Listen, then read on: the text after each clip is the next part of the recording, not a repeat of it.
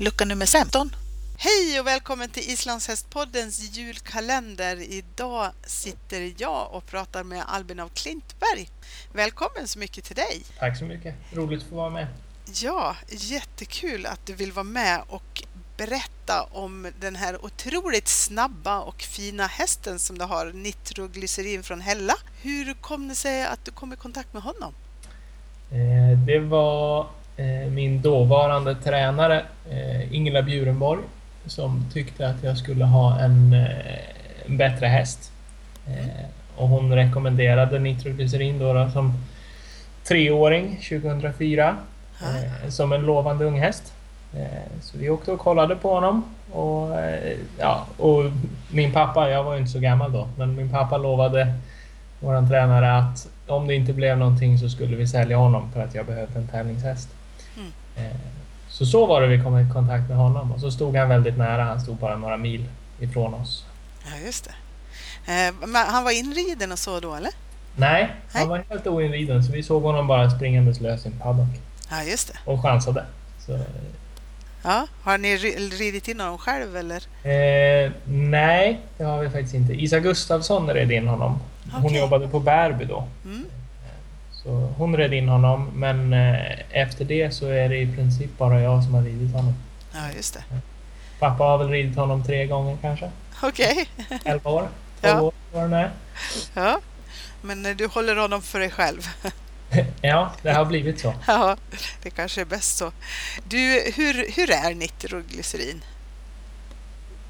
Ja, han är väldigt snäll. Det är, och lite småtråkig, går i hagen, trött vallack. Gör inte mycket, för, mycket ljud för sig. Så. Men eh, en fantastisk individ så eh, blir alltid, taggar alltid till när det ska tävlas men hemma så är han som en, ja, en ridskolehäst. Ja. ja, det är häftigt. Att de, ja, nej, han, han vet när han ska springa. Ja. Ja. Har, har, har ni alltid, ni kör eh, P1 eller hur? 250 eh, meters passen framförallt eller? Ja precis, det är P1 och eh, P2 speedpass. Ja just det. Som är våra liksom, grenar. Så. Jag tävlade stilpass också som ungdom men ja. eh, han räcker inte riktigt till. Det är lite för mycket spring igenom för att han ska vilja stanna och göra det liksom, som stilpassen behöver. Det ska ju vara så exakt och ja. ska man ligga i toppen så behöver man ha alla delar på plats och då kände jag att jag, jag satsar bara på fartgrenarna på honom. Ja, just det. Du, um, um, har, har, du gjort det hela tiden så att säga? Alltså det var det som du hade var inriktad på? Nej, faktum är att mitt första SM var i T2. Aha, med Nitro? Ja, med Nitro. Jaha. Eh, så det var, jag red eh, passlöp första gången 2008.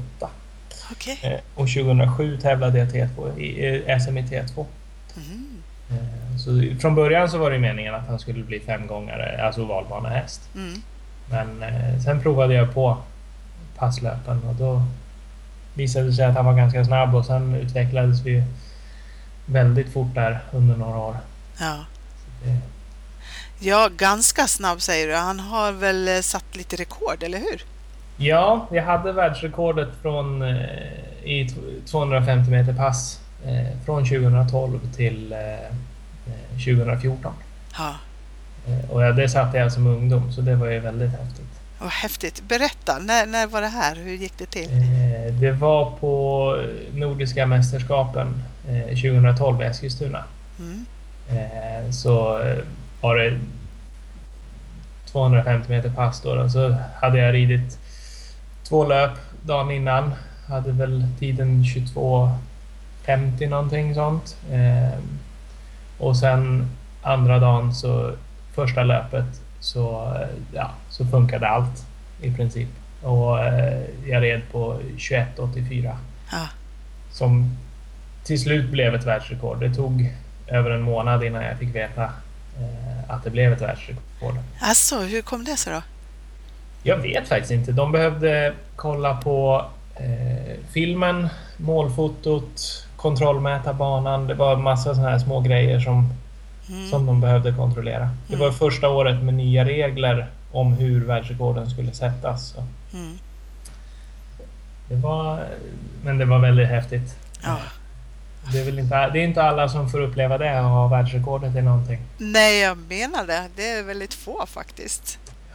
Ja, vad häftigt. Hur kändes det? Var du, fattade du vad, vad som hände liksom? Eller? Nej, inte riktigt. Det var ju såklart... Alltså hela tävlingen var ju helt fantastisk. Det, allting fungerade ju, eh, den tävlingen. Så det, allting var så jäkla härligt och roligt och jag blev bästa ekipage på hela tävlingen. Och det, ja, så det, allting var ju lite överväldigande. Ja. Men, eh, så det var ju bara grädden på mosen att man blev världsrekordinnehavare också. Ja, precis. Precis. Du, han har ju fler meriter. Ja, vi har tävlat några år. Jag kom fram till att det var elfte säsongen i år. Ja, du ser. Eh, så det är ju x antal SM-guld, NM-guld. Jag kom nia på VM med både speedpass och 250 meter pass. Eh, ja, ja, flera silver och brons från både SM och NM. Och, ja. ja. så det har blivit några, några medaljer och några meriter. Så. Eller hur? Men du, har resan varit liksom spikrak uppåt hela tiden eller har ni haft några motgångar och, och så? Eh, ja, både ja och nej.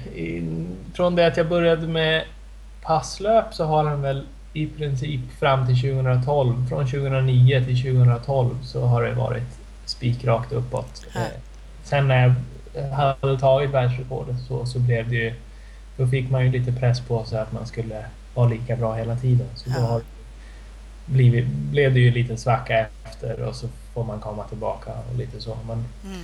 eh, men pass, passen har varit en väldigt bra kurva. Så det, men eh, innan så har vi fått lite motgångar. 2008 så gjorde vi en kullerbytta på valbanan i pass eh, tre veckor innan SM. Så då var jag med på SM och ja, fick operera armen och jag bröt nyckelbenet. Och... Oj då, vad var det som hände då?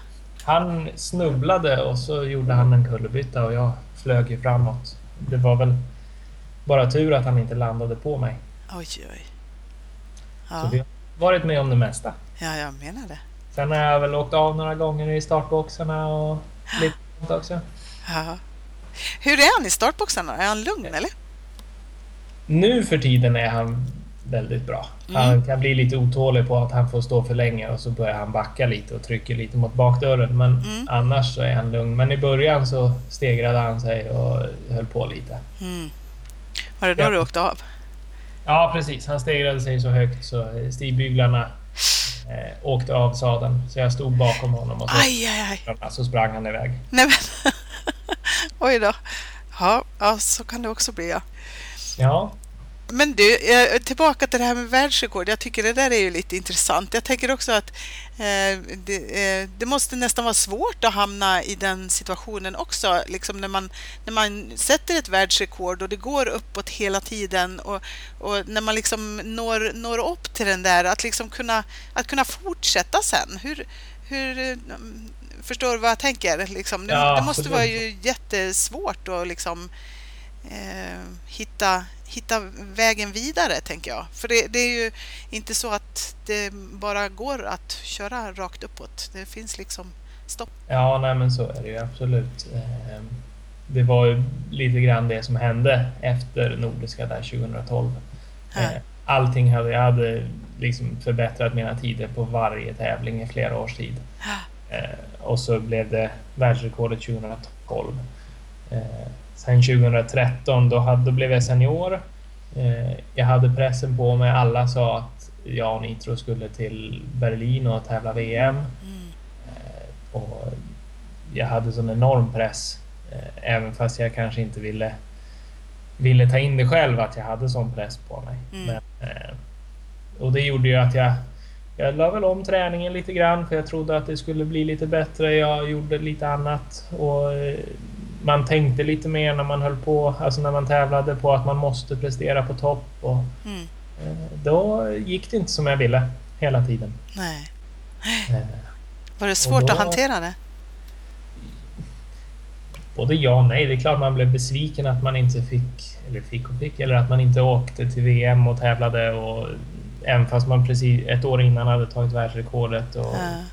Flera stycken kom fram och sa att det är konstigt att jag inte skulle åka, att jag inte åkte och så men det är ju det är en del av sporten. Man kan inte vara bäst Nej. hela tiden. Så eh, det har varit väldigt nyttigt att lära sig att eh, inte vinna också. Ja, det är ju så. Det, är- det är väl det, mest, det största jag har lärt mig efter världsrekordet. Att eh, man blir senior och det, allting går, går inte lika lätt. Och, eh, ja, det är lite tuffare och man får lite, ta det lite med en klackspark också när det inte går bra varje gång. Ja. Det är bara att skaka av sig och börja om. Och det är inga maskiner som man håller på med heller. Nej, precis. Det är ju en helt egen individ Mm. som man sitter och ska försöka få göra det man själv vill. Så det är samspelet som behövs. Ja, jag menar det. Ja, vad spännande. Vad, vad betyder Nitro för dig då? Oj, ja. Han eh, betyder nog ganska väldigt mycket inom eh, min ridning. Så, eh, hade han inte blivit så bra som han blev så vet jag inte om jag hade hållit på med hästar eh, fortfarande. Eh, det är ju tävlandet framför allt jag tycker är, är roligt. Mm. Så hade jag inte kommit upp på liksom toppnivå som ungdom så vet jag inte om jag hade orkat hålla på med hästar. Nej. Det tar ju som, som sagt lite tid och tid av ens vardag att träna och hålla på. Ja. ja, så är det. Ja. Han betyder nog ganska mycket. ja. Hur ser julen ut för dig och Nitro? Eh, ja, jag brukar alltid ta ledigt. Inte vara i stallet alls Nej, på julen. nej. Eh, Så det är ganska lugnt. Bara vanlig vinter, vinterträning. Ja. Eh, Han har ingen vila nu eller så? Nej, han vilade efter, efter Nordiska och sen har han väl eh, ridit slätt nu i någon månad så. Mm. Bara lite lugnt, bygga styrka och bygga upp konditionen igen. Mm. Och 2017 då? Vad gör ni då? Då är det full fart igen. Ja. Eh, självklart satsar jag på VM. Ja. Så det är bara samma sak som alla andra år. Bara full vinterträning fram till tävlingssäsongen och sen försöka hitta, hitta ett flyt i tävlandet. Och se hur långt det håller. Ja. Du, vi önskar dig lycka till förstås. Och eh, en god jul och ett gott nytt år. Och tack så hemskt mycket för att vi fick ringa och störa dig. Tack detsamma.